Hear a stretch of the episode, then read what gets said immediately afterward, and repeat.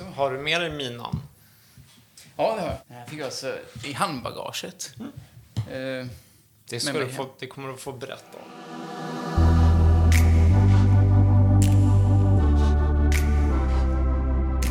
Ja, alla lyssnare. Välkomna ska ni vara till Dagens ETCs podd Bakom rubrikerna. Här pratar vi om vår journalistik och här träffar vi journalisterna som gör det faktiska jobbet. Själv heter jag Andreas Gustafsson och är chefredaktör. Och med mig idag Joakim Medin, utrikesreporter, långvarig medarbetare i Dagens ETC och nyss hemkommen från Ukraina där han har undersökt vad som händer med ett land och människorna i det landet efter två år av Rysslands totala angreppskrig. Välkommen Joakim! Stort tack. Eh, Ukraina har ju varit en ganska långvarig eh, berättelse för dig. Du var där när kriget bröt ut eh, för, för drygt två år sedan eh, och har varit där flera gånger sedan 24 februari 2022. Och nu är du precis hemkommen. Vad var, vad var den största skillnaden den här gången skulle du säga? Den största skillnaden, eh, som jag åtminstone själv omedelbart kände av, det var eh, en mer en, en påfallande känsla av, eh, av eh, utmattning eh, som hade uppstått av att folk nu begrep att det här kommer att pågå en lång tid. Den här utlovade och väldigt hypade motoffensiven som man hade talat om nu under månader i fjol då. Eh, den kom inte med sån eh, kraft som folk hade förväntat sig och inte med såna konsekvenser som man ville se. Och det här har ju skapat, eh, inte, inte någon känsla av hopplöshet skulle jag säga, men en, en realisation av att det här, det här kommer att ta ett bra tag och det kommer att påverka oss väldigt långsiktigt. Eh, som land, som folk, eh, som, eh, jag menar, som familj, som, som individ mitt i det här dramat. Så det, det kunde jag känna av, att folk liksom eh, var både upprörda och eh, ja, men, väldigt ned, alltså, deprimerade och, och fattade nya beslut mot grundval av detta. Det, det kommer ju samtidigt rapporter som visar att det går tungt just nu för Ukraina på slagfältet. Att, att Ryssland eh, förbereder sig kanske för att avancera. En, nu pratas det om en våroffensiv från rysk sida. Och eh, i internationell press har diverse ukrainska röster, inte regeringen ska sägas, men ukrainska röster, krigsveteraner, andra, sagt att kriget eh, mycket väl kan komma att förloras under 2024 om inget drastiskt händer. Drastiskt som i ökat stöd från, från omvärlden då. Eh, mötte du sådana farhågor själv på plats i Ukraina? Eh, ja, det gjorde jag faktiskt. Eh, från ganska oväntade håll, eller kanske inte oväntade håll, beroende på hur man ser på det. Jag hörde, eh, jag hörde just den här analysen komma från flera soldater jag talade med. Helt oberoende av varandra så var det personer som, som la fram det här. Eh, det var en, eh, en ukrainsk eh, soldat jag talade med, det var en belarusisk frivillig soldat som, som medverkar i en artikel jag skriver i detta nu. Eh, som eh, arbetade med underrättelsearbete eh, för armén. Båda två la fram just det här, att det, det måste till någon, något, någon, någon form av dramatiskt nytänk i de väpnade styrkorna. Och från det politiska hållet naturligtvis. Annars så finns det en risk att vi kommer att förlora detta. Eller åtminstone eh, tappa de, de stora landområden som vi lyckades återerövra från eh, Ryssland på våren och senhösten 2022. Så ja. Men, men ska, hur, ska, hur ska man betrakta det där? Du säger flera av varandra oberoende källor. Men ska man se det här som en faktisk spegling av realiteten på slagfältet? Eller ska vi se det här som att Ukraina på olika sätt nu sänder en signal till omvärlden att det är nu eller aldrig? Ja, alltså jag menar den första som sa detta, han var en, eh, en soldat som befann sig på en längre permission och han hade därmed tillstånd att, eh, att medverka offentligt, för det får man inte annars göra utan ett ordentligt godkännande från högre befäl som, som soldat eh, och med ukrainskt medborgarskap dessutom. Eh, och han la fram detta och jag, jag, tänkte först att det här kanske var någon form av... Eh, för han var öppen med att han led av posttraumatisk stress och att ha sett väldigt många kamrater dö i, i liksom skyttegravarna längst bort i östra Ukraina. Eh, men sen fick jag höra det här igen av, av den här då fortfarande aktiva soldaten som då alltså var, eh, sysslar med underrättelsearbete. Eh, som även varnade för, för att eh, sker det en, en kollaps vid, vid frontlinjerna så kommer det inte bara leda till att ja, men allt bryter samman. Det kommer också leda till att de ryska styrkorna sväljer och eh, utnyttjar det som är kvar av den ukrainska armén och gör det till sina egna soldater. Och det här varnade han särskilt mycket för. Så jag, jag, jag tänker att det här är en signal man skickar ut, men också någonting som man, som man sa är förtroende, i det här, formen, i det här fallet av en anonym soldat till mig, som inte ville, ville liksom medverka med namn och bild och som sa det här. För att det här var en, en högst privat reflektion han, han satt inne med. Men du beskriver ju också här när vi pratar och i dina reportage du skriver för den här Ukraina-tidningen vi gjorde, gjorde lagom till tvåårsdagen. Insikten om att kriget är långvarigt. Mm. Att det här är, vi pratar år, eh, inte månader, inte dagar. Och eh, du, du är, du, på din resa åkte du bland annat till Charkiv. Och där byggs nu permanenta klassrum under jord för att skydda eleverna från den ryska beskjutningen som är konstant liksom varje dag. Det maler, det maler.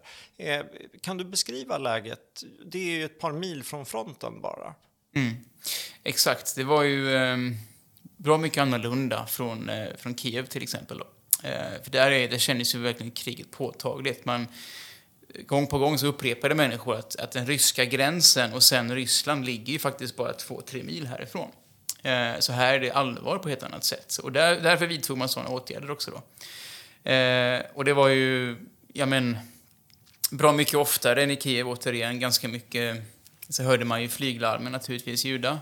Eh, det faller ner bomber i det här någon form av halvingenmanslandet som är då från de, de sista befolkade, fortsatt befolkade samhällena och eh, den ryska gränsen.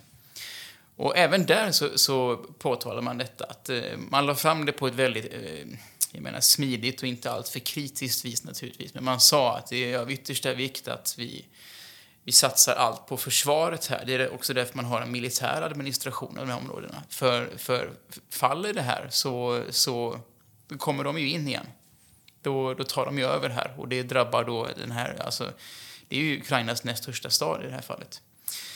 Så även där upprepade man detta, att det är väldigt, väldigt allvar, eh, det som pågår just nu.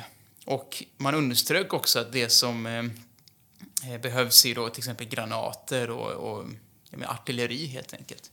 Jag tror att man är ganska noga med att påpeka detta, för att de vet om att vi utländska journalister förmedlar ju eh, en sammanfattning av allt det de, de låter oss veta där.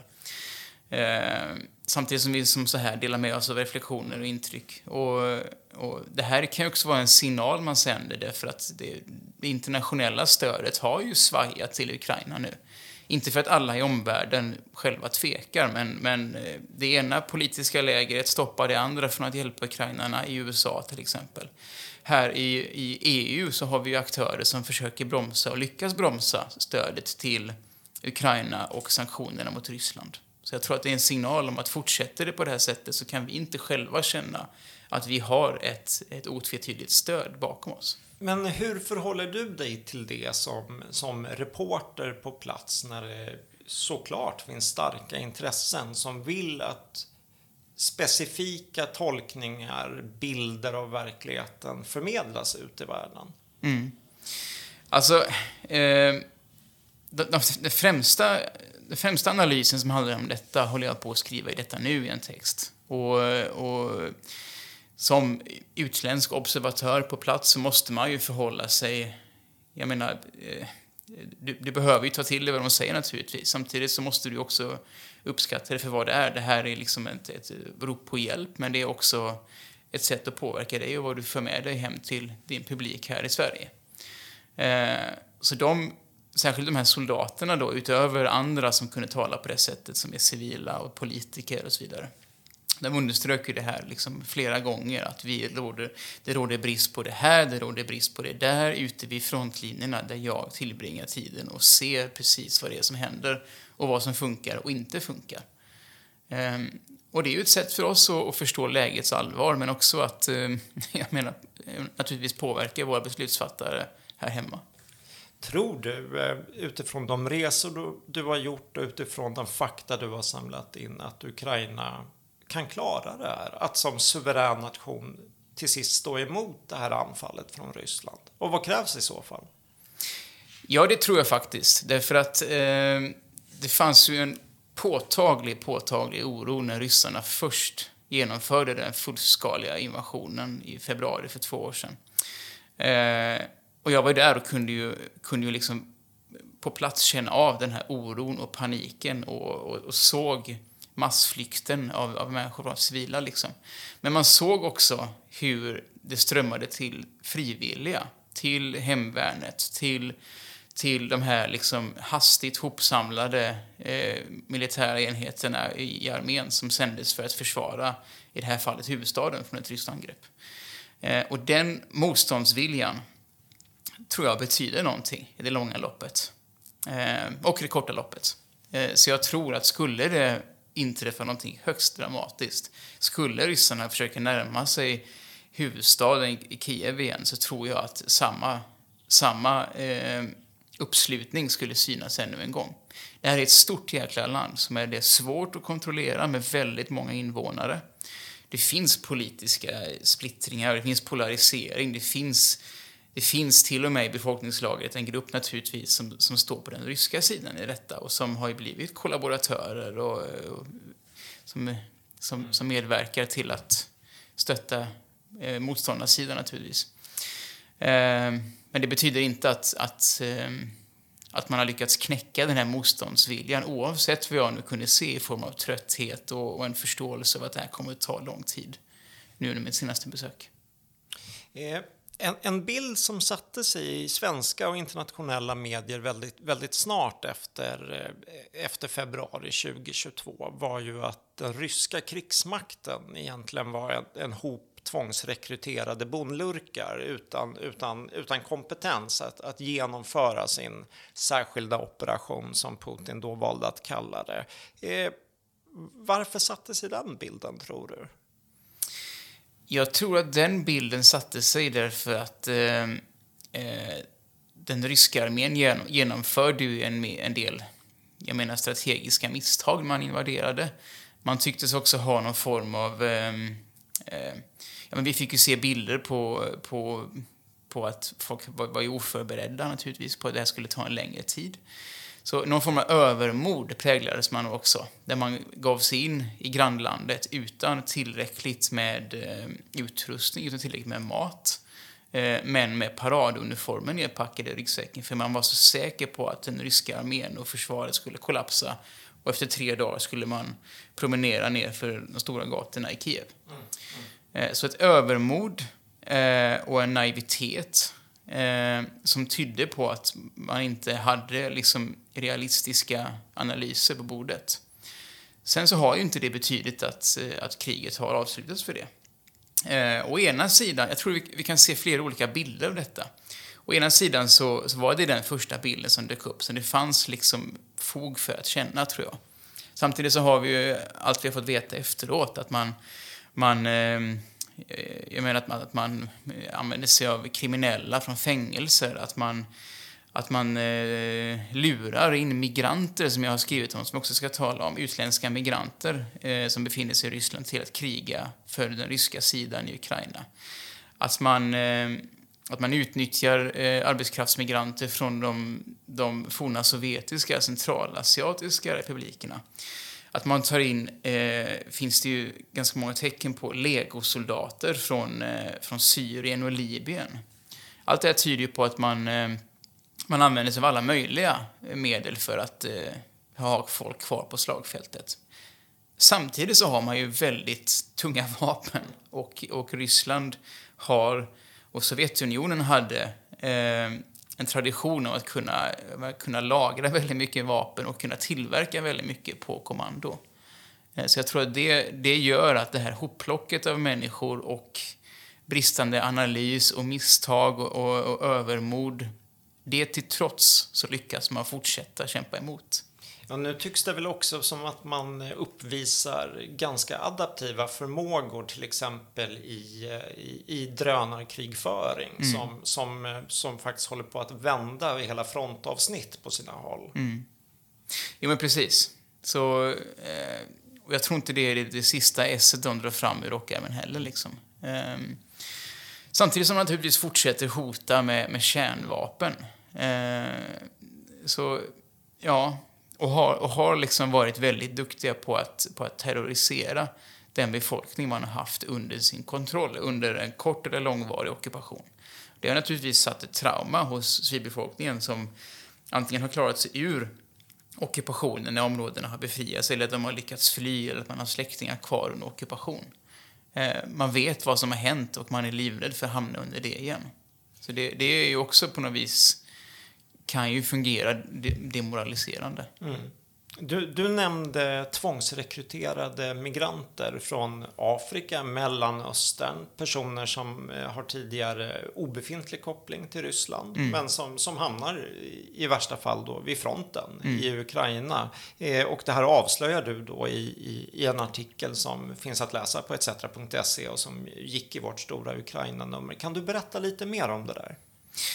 Ja, precis. Alltså, eh, bakgrunden är ju att det från olika håll och kanter har kommit då eh, konkreta uppgifter, men också liksom ehm, eh, inte fullständigt 100% bekräftade uppgifter att man har, man har plockat in utländska soldater på alla möjliga håll. Det har påträffats kroppar eh, som, som de ukrainska styrkorna menar är legosoldater från Mellanöstern och nordafrikanska länder.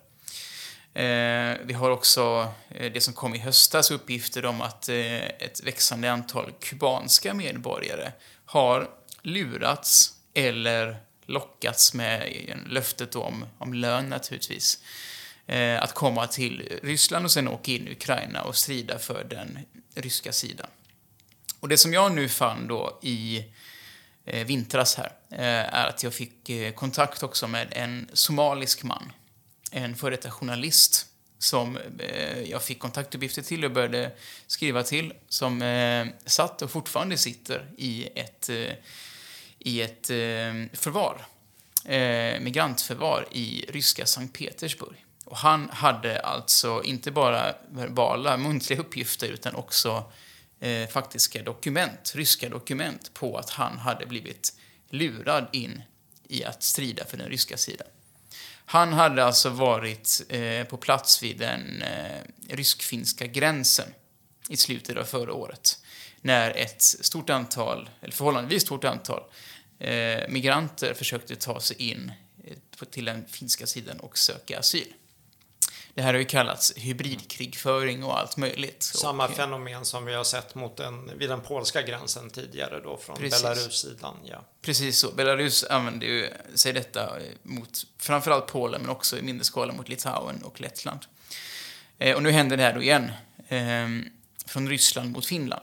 Och eh, han har ju då åkt till, den här mannen, åkt till Ryssland för att han har fått Eh, Eh, uppgifter till sig från olika telegramgrupper som eh, människor i hans utsatthet och situation följer. Om att det här är en rutt in i Europa. Precis samma sak som personer som kom från Belarus för några år sedan hade fått höra 2021. Och han blir då tagen innan han kommer fram till, till eh, gränsen mot Finland. Eh, tillsammans med ett antal andra migranter från eh, Somalia och, eh, och Kuba och några arabiska länder. De blir tagna till en domstol i ryska Karelen.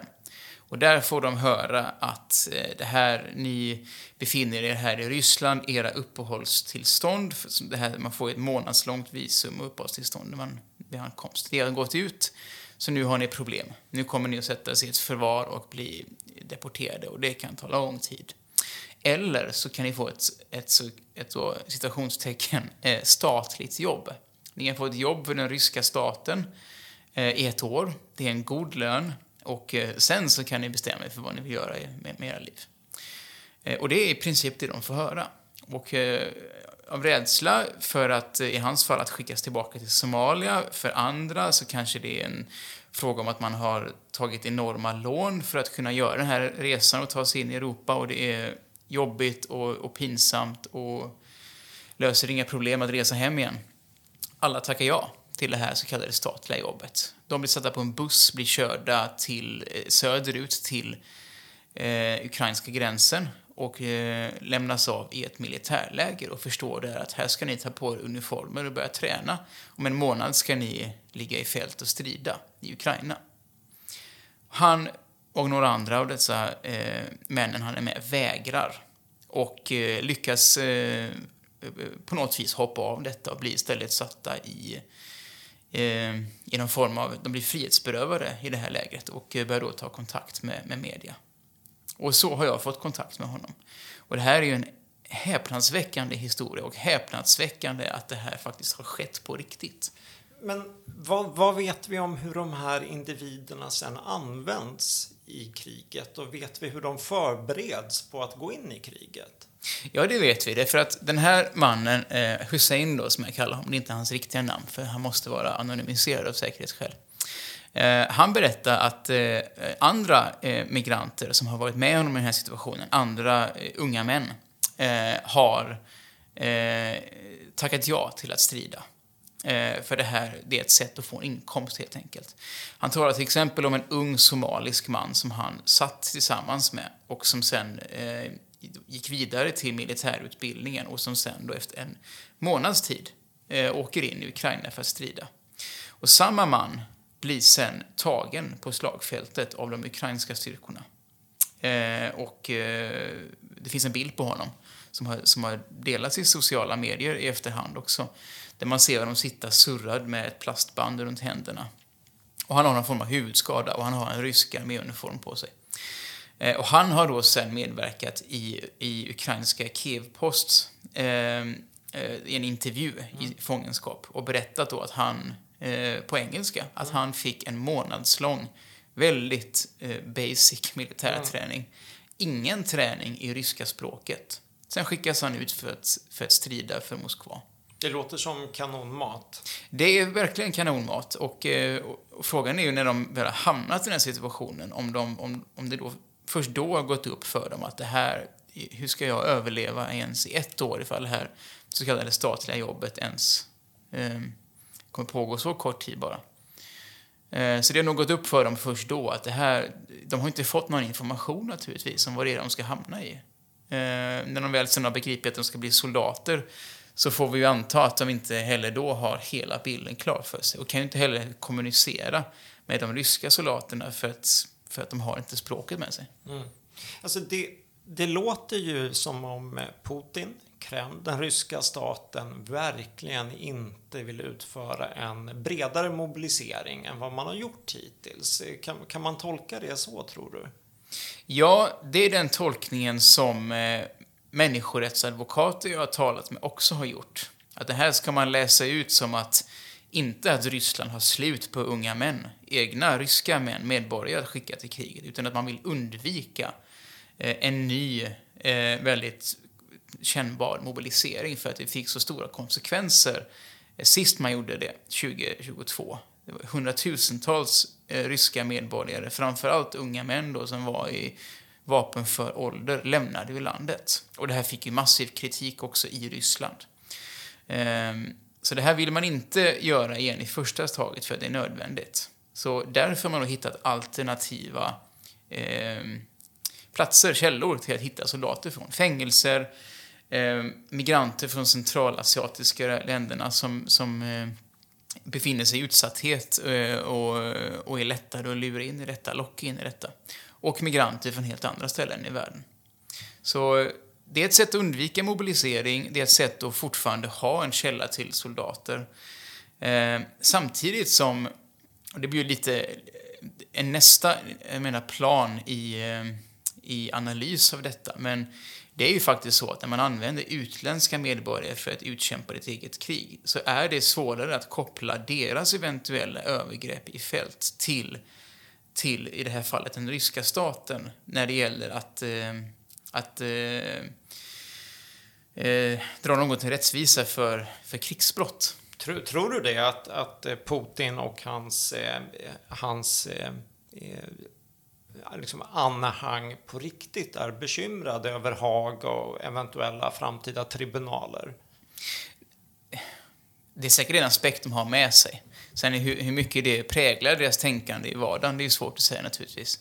Eh, däremot så, så, så, ehm, är det här ännu ett lager man behöver ta hänsyn till. Att de, nu blir det svårare att de facto kunna eh, anklaga Ryssland, den ryska staten, för att ha begått krigsbrott när det är utländska medborgare. Det är svårare att leda i bevis ifall de, huruvida de här utländska medborgarna har fått i, i konkret uppdrag att utföra krigsbrott. Mm. Så det, det kan man säga åtminstone. Speciellt när de inte talar samma språk än som sina befäl. Precis så. Mm. Och sen så har vi också då det här eh, dekretet som Putin undertecknade här nu vid, vid årsskiftet, under vintern. Att, eh, att det ska bli lättare för eh, utländska medborgare att bli ryska medborgare ifall man går med på att, på att eh, kriga för Ryssland. Så det här är ju, är ju ännu en aspekt då i det hela. När vi ändå pratar eh, brott mot folkrätten här. En annan sak som har varit en följetong, liksom en mörk följetong genom det här kriget är ju de stulna, kidnappade barnen. Mm. Och eh, under din senaste resa möter du en 17-årig tjej, Lera, som är en av de få, det handlar om några hundra, som har lyckats ta sig hem igen av mm. kanske hundratusentals. Det finns ju inga exakta siffror där, men det är omfattande. Eh, vad finns det för förhoppningar för de barn som fortfarande befinner sig på den ryska sidan? Liksom tvångsförflyttade, indoktrinerade nu. Att ja. få komma hem igen? Nej, det finns nog inte några, några väldigt ljusa förhoppningar kring, eh, kring, alltså hos någon, kring att de ska kunna ta sig hem. Eh, och inte med lätthet åtminstone. Eh, den här tjejen är alltså en av, eh, av inte ens 400 som har lyckats ta sig ta sig ut från det här.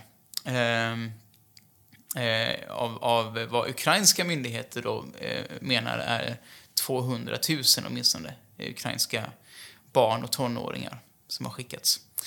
Eh, tvångsdeporterats. Svårigheterna ligger ju i att, eh, i att de kan eh, befinna sig naturligtvis långt bort från de ukrainska linjerna och då blir det ju mycket krångligare att kunna lämna fysiskt Ryssland Eh, Eh, och rysk-ockuperade territorier eh, och sen vidare till de ukrainska linjerna. Det var väldigt dramatiskt och svårt för den här tjejen jag mötte att lyckas genomföra detta. Det gick bara efter att hennes mormor hade rest från rysk-ockuperat, eh, alltså nyligen rysk-ockuperat territorium i, eh, i Cherson oblast ner till det sen tio år tillbaka rysk-ockuperade Krim, på Krimhalvön. Och där lyckas lokalisera Lera och de har haft väldigt svårt att behålla telefonkontakt och sådär under tiden. Och där i sin tur måste hon underteckna massa olika papper för att lösgöra henne från den här så kallade skolan där hon går, som går ut på att eh, indoktrinera och hjärntvätta eh, de som sätts där. Eh, att den här mormon då, som målsman då, förstod att hon tog fullständigt ansvar i att föra ett, eh, ett hjälplöst barn och så vidare och så vidare till ett område där man kan utsättas för fara och där det, där det sker våldsamheter och det är risk för sin hälsa och liv, allt på grund av de ukrainska styrkorna, eh, skrev man. Och mormon insisterar ju på att det här är mitt barnbarn, släpp henne. Och eh, man går till sist med på detta. Och sen så var ju nästa steg då att lyckas smita därifrån och ta sig till den ukrainska sidan. Eh, och barnrättsorganisationer, eh, eh, jag menar barnrättsförsvaret som jag talade med nu, barn och människorättsförsvarare jag talat med tidigare, eh, när jag tidigare besökt Ukraina, har allihopa understrukit att, att å ena sidan så är det väldigt krångligt då för de här enskilda individerna att kunna ta sig i säkerhet. Å andra sidan så finns det i realiteten väldigt få verktyg som både de ukrainska myndigheterna, eh, världssamfundet, internationella organisationer kan använda för att sätta tryck på Ryssland för att lokalisera och sen undsätta de här barnen. Så det, det, finns väldigt, väldigt få möjligheter att assistera dem på något vis om man inte lyckas göra det på egen hand, verkar det som. Eh, eh, ett annat väldigt starkt reportage, liksom en ögonblicksbild från din senaste resa tycker jag är familjerna som eh, protesterar på torget. De mm. protesterar mot att deras anhöriga tvingas tjänstgöra vid fronten under för lång tid utan tillräckliga permissioner. Eh, de protesterar också mot att mobiliseringen inte är rättvis. De ser ju att unga män liksom, lever sina liv som vanligt medan deras anhöriga då eh, ligger vid utsatta frontavsnitt i år efter år faktiskt. Eh, det kommer ju lite rapporter om att den ukrainska mobiliseringen på ett sätt påminner om den ryska. Man plockar fattiga från fattigare provinser och låter liksom huvudstadens tjänstemannaklass, eller vad vi nu ska kalla det, eh, liksom vara mer oberörd av kriget. Stämmer det där? Alltså, eh, jag vet att det har dykt upp sådana såna rapporter och eh, eh, det finns, ska man säga, ganska gott om exempel också i, i Kiev på att folk faktiskt blir, blir mobiliserade. Eh, det finns också en, en, någon form av, vad ska man kalla det, en medvetenhet hos, eh, hos eh, män i vapenför ålder som alltså är då eh, över 25 och kan och kan då bli inkallade. För de som är bara över 18 blir inte automatiskt skickade för att strida.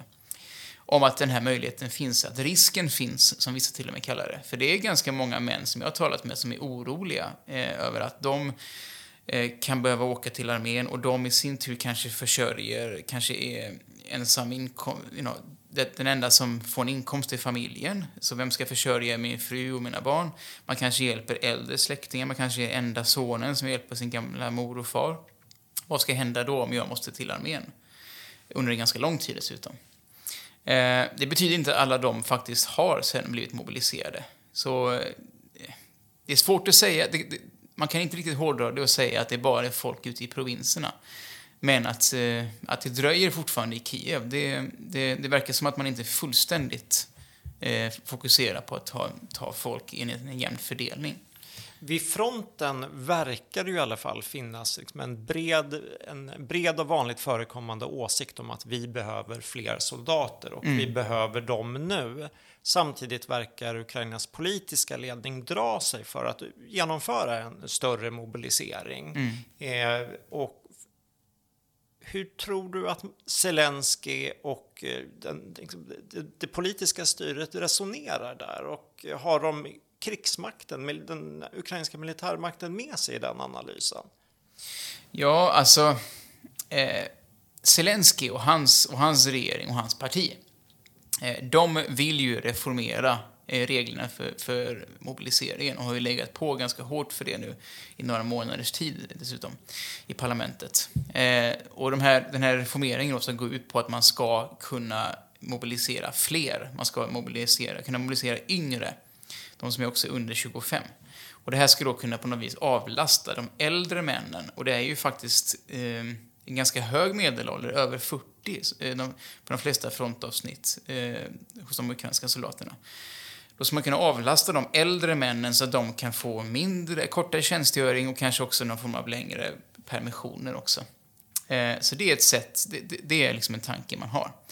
Och de här som jag har sett, jag såg att, jag noterade att det här väckte några troll i sociala medier, just den här artikeln, som tolkade det som att eh, som att det, var, det, handlade om att det är fel att mobilisera till det ukrainska försvaret. Och det var inte därför de här eh, eh kvinnorna och, och, barnen som det uteslutande var, inga män deltog i den här demonstrationen.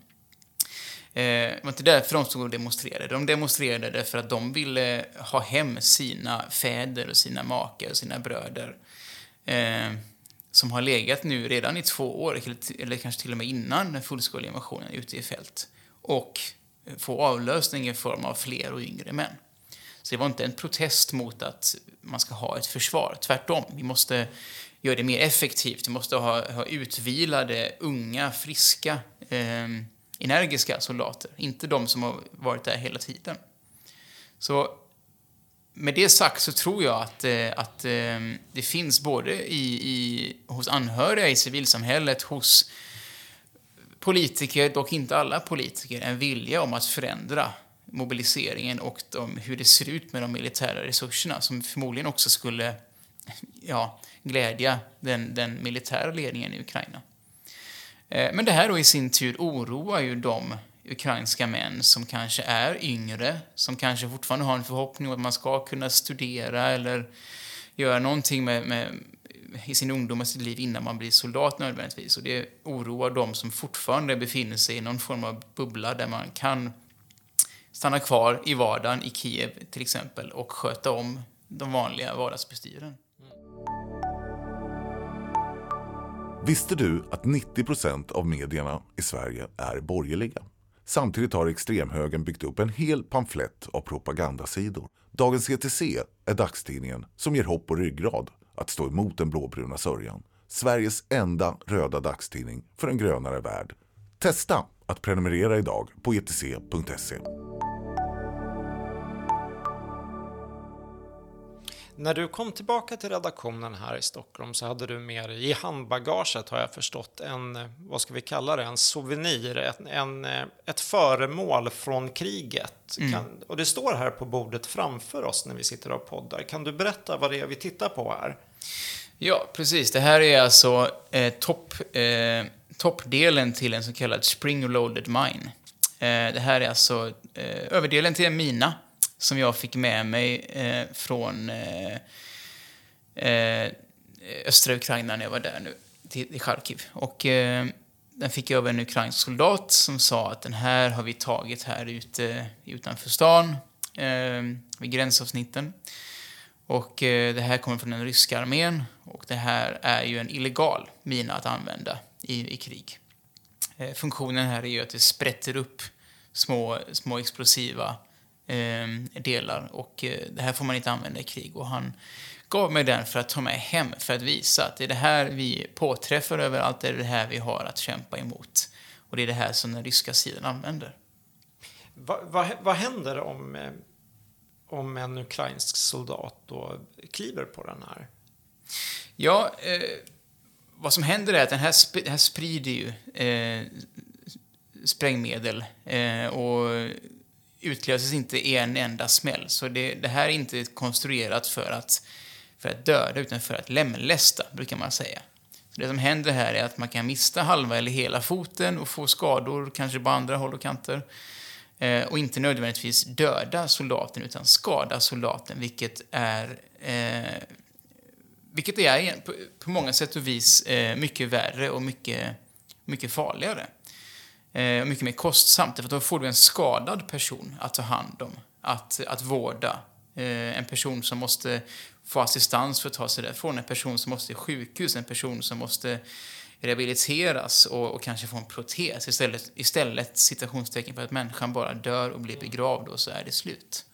Så det, det, det är mer li, det orsakar mer lidande, större kostnader, större, mycket större eh, tar upp mycket mer resurser och energi för, för de kamraterna som måste hjälpa den här skadade istället för döda människan som har klivit på en sån här mina.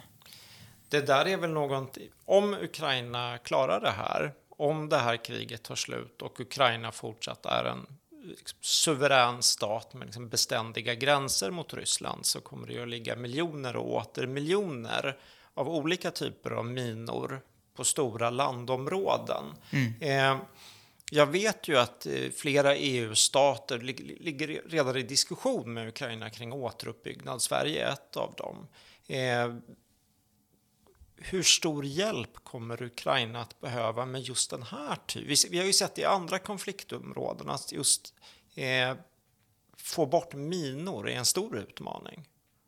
Det tror jag är en gigantisk utmaning. Det är redan en utmaning man redan nu jobbar med. Eh, och eh, vid det tillfälle då kriget slutar så kommer man behöva hantera det här. Ja, vem vet hur lång tid det tar? Och det tråkiga är att man redan nu har kunnat se eh, hur, hur minorna som lämnas kvar orsakar enorma skador. Eh, eh, någonting jag fick höra redan på våren 2022 när man lyckades trycka tillbaka de ryska styrkorna från norra Ukraina, alltså norr om Kiev. Eh, det var att sen på lite senare på våren, eh, jag menar april, maj, juni, eh, då, då ville folk, eh, folk är väldigt glada i Ukraina att gå ut eh, i skogen och plocka svamp och traska i naturen och kanske ha med sig picknick. Mm. Och då var det väldigt många fall där folk eh, påträffade och ibland, eller inte bara ibland, eh, också trampade på minor och skadades eller till och med dog. För man var ute och traskade i naturen och det hade lämnat så mycket kvar på lömska ställen. Så och det, det, det vittnar liksom om det, det man har att arbeta med. Både på kort och lång sikt. Nu är du hemma. Det blev ett, blev ett 80-sidigt Ukraina-nummer fullt med aktuella reportage från Ukraina efter två år av krig, efter fullskaligt krig. Eh, liksom all annan spetsjournalistik är det Dagens ETCs läsare som var med och finansierade det här och de kommer också göra det möjligt att eh, göra fler resor till Ukraina. Det hoppas jag att du vill, det vet jag att du vill, men vad finns det kvar att berätta? Vad är, vad är det du är mest eh, nyfiken på för kommande resor? Alltså, eh, jag är ju från... Jag har ju rapporterat från flera eh, väpnade konflikter och jag finner ju alltid det som sker bakom frontlinjerna mest intressant. Eh, hur samhället eh, förändras, anpassar sig. Å ena sidan är det i samhällen som ligger kanske omedelbart bakom frontlinjerna, som jag nu var och besökte längst bort i östra Ukraina. Men också de som ligger kanske på betydligt mer längre avstånd. Oavsett så påverkas man ju av kriget och det har gått att se i Ukraina hur det här eh, orsakar naturligtvis lidande, ångest. Ehm, som jag sa, människor måste nu fatta långsiktiga livsbeslut. Man förstår att det här inte kommer att vara över eh, i det närmsta taget. Samtidigt har man kunnat se hur det här har skapat en, en mängd positiva konsekvenser i Ukraina.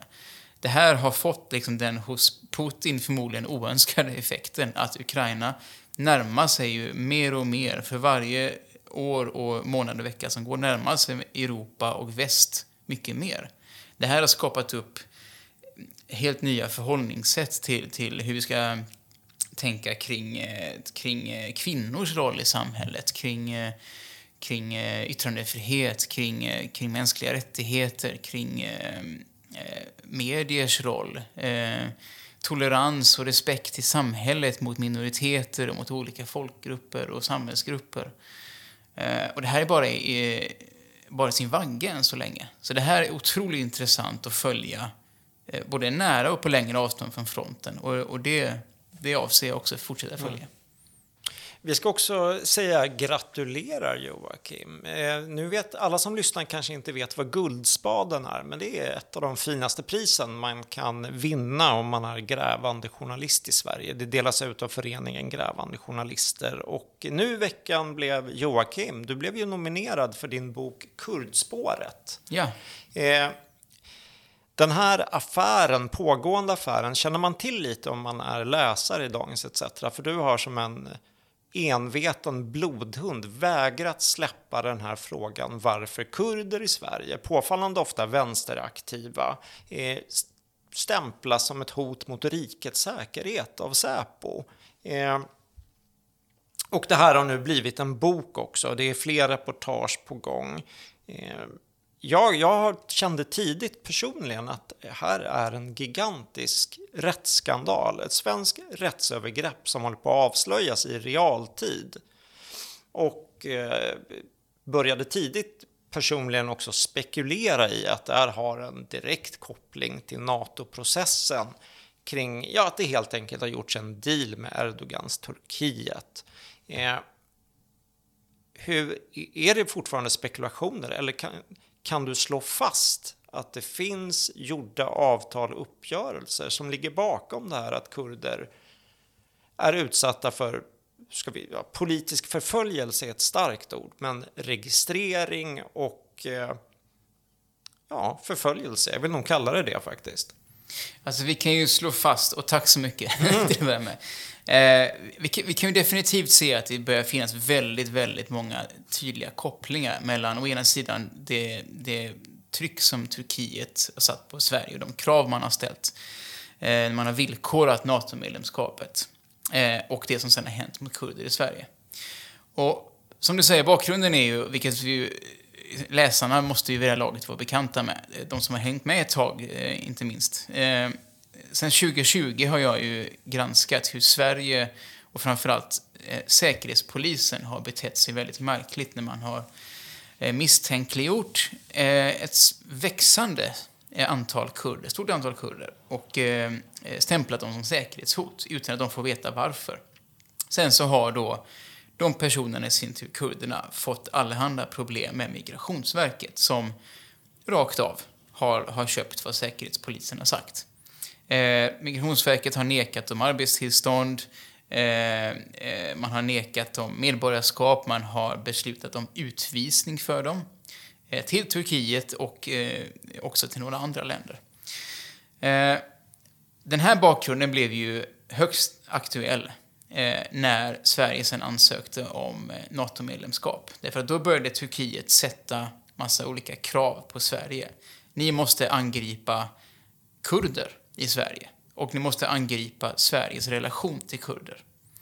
Och då har den här bakgrunden blivit väldigt aktuell. För de som har sen blivit utvisade, eh, vilket har fått stark kritik av människorättsförsvarare, eh, också utomlands i Europa, för det gör man inte så, utvisar asylsökande personer, som, allra minst de som har dömts för politiska brott i det orättssäkra Turkiet. Man skickar inte dem till en fängelsecell i Turkiet. Punkt slut. Det har Sverige gjort. Helt plötsligt, för första gången, i just samma veva som Turkiet kräver att få människor sätta i deras fängelser från Sverige. Eh, så i den här boken som nu då har blivit Guldspaden-nominerad, som bygger ju eh, till väldigt stor del på de här olika granskande reportagen som jag då har, har liksom berättat mer kring i boken. Så har vi kunnat till exempel se att eh, vår utrikesminister Billström har ju sålt in de här utvisningarna som ett svar på de turkiska kraven mot Sverige. Ni har ställt krav på oss att bekämpa terrorism. Därför har vi skickat de här personerna till er. Eh, det, det, vet vi och det har han sagt. Eh, vi har också sett hur, eh, jag har fått handlingar till mig som visar hur ett växande antal människor har berövats, eh, kurder har berövats eh, eh, arbets tillstånd, inte fått ta in arbetskraftsmigranter, eh, inte få medborgarskap trots massa år i Sverige ostraffade. Eh, och det här överensstämmer med en av de punkter som Sverige sa att man skulle jobba för i det hemliga dokument som man skickade till Ankara eh, i november 2022 som Dagens Nyheter eh, avslöjade några veckor senare. Eh, de här personerna i sin tur eh, har också arbetat för, eh, har också, eh, eh, många av de här kurdiska arbetsgivarna som har fått problem med Säkerhetspolisen och Migrationsverket har också sponsrat en kurdisk tv-kanal som Turkiet också har angripit och krävt att Sverige eh, ska på något vis stänga ner, tysta. Så det finns massa sådana här beröringspunkter som eh, den här bakgrunden som jag har granskat har blivit väldigt relevant för NATO-processen och de svenska eftergifterna mot Turkiet. Och nu är vi inne, efter att Turkiet har sagt ja till Sverige i NATO, i en fas 2. Där Sverige också då ska leva upp till inte bara ett utan två avtal man har tecknat med Turkiet för att bekämpa terrorism, som man säger. Eh, vad det nu är i turkiska ögon återstår ju att se.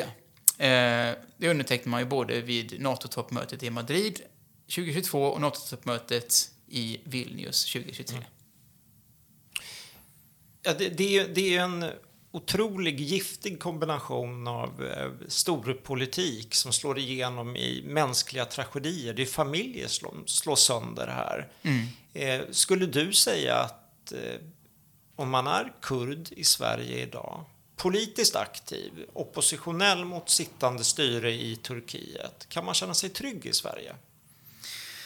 Det är ju den stora frågan. Jag menar, jag tror att, att, att de allra flesta kurder ehm, eh, skulle för några år sedan, eh, låt oss säga då innan 2019, för allt tyder ju på att de här problemen med Säkerhetspolisen börjar från och med det året, av någon anledning.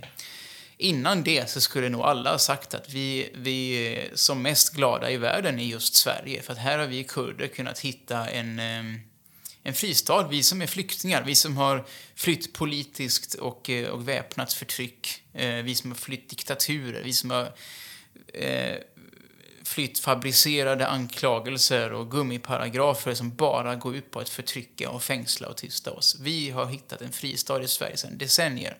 Tack Sverige. Sen började det här hända från 2019 och framåt. Och jag har ju rapporterat om det sedan eh, från 2020 då, som sagt eh, som har skapat en tveksamhet och en oro över att vad är detta? det ena märkliga fallet efter det andra. Det, bör, det, det börjar som ett, det blir fem, det blir tio, det blir dussintals sådana här ärenden. Och sen så går det här från att vara en perifer fråga till att hamna i fokus för vår utrikespolitik och för NATO-processen. Och det visar sig att inte bara vår nuvarande regering utan även den förra och Socialdemokraterna har varit beredd att lägga sig ganska platt för turkiska krav.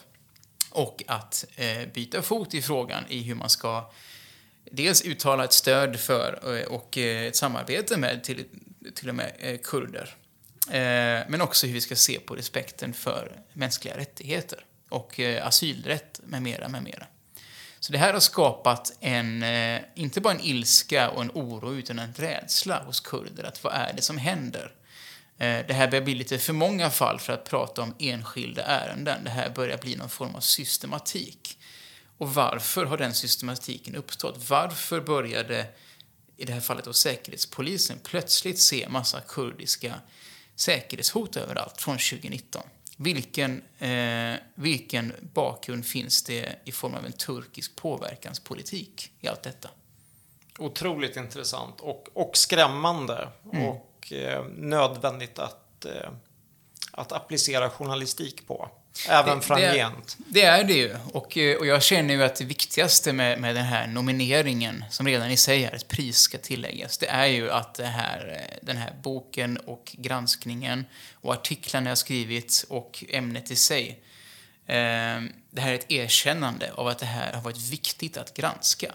Alldeles för få har gjort det i, bland svenska medier och svenska journalister. Eh, jag har liksom sett eh, många gånger bättre arbete utföras av, av utländska reportrar som kommer hit för att skriva om Sverige under NATO-processen. Eh, så det här är ett erkännande av att det här varit viktigt och att det här inte har varit någon form av, av vad ska man säga, låtsasämne som vi kan avfärda eller helt enkelt bara bemöta med tystnad som man har gjort från både myndigheter och politikers sida när jag har försökt nå dem. Joakim Medin, stort tack för att du ville vara med idag. Tack så mycket. Och du som lyssnar, du lyssnar och har lyssnat på Dagens ETCs podd Bakom rubrikerna. Joakims texter från Ukraina eller om kurdernas utsatthet, de hittar du på etc.se. Om du är prenumerant på Dagens ETC så det är du välkommen att bli. Tack för att du lyssnade.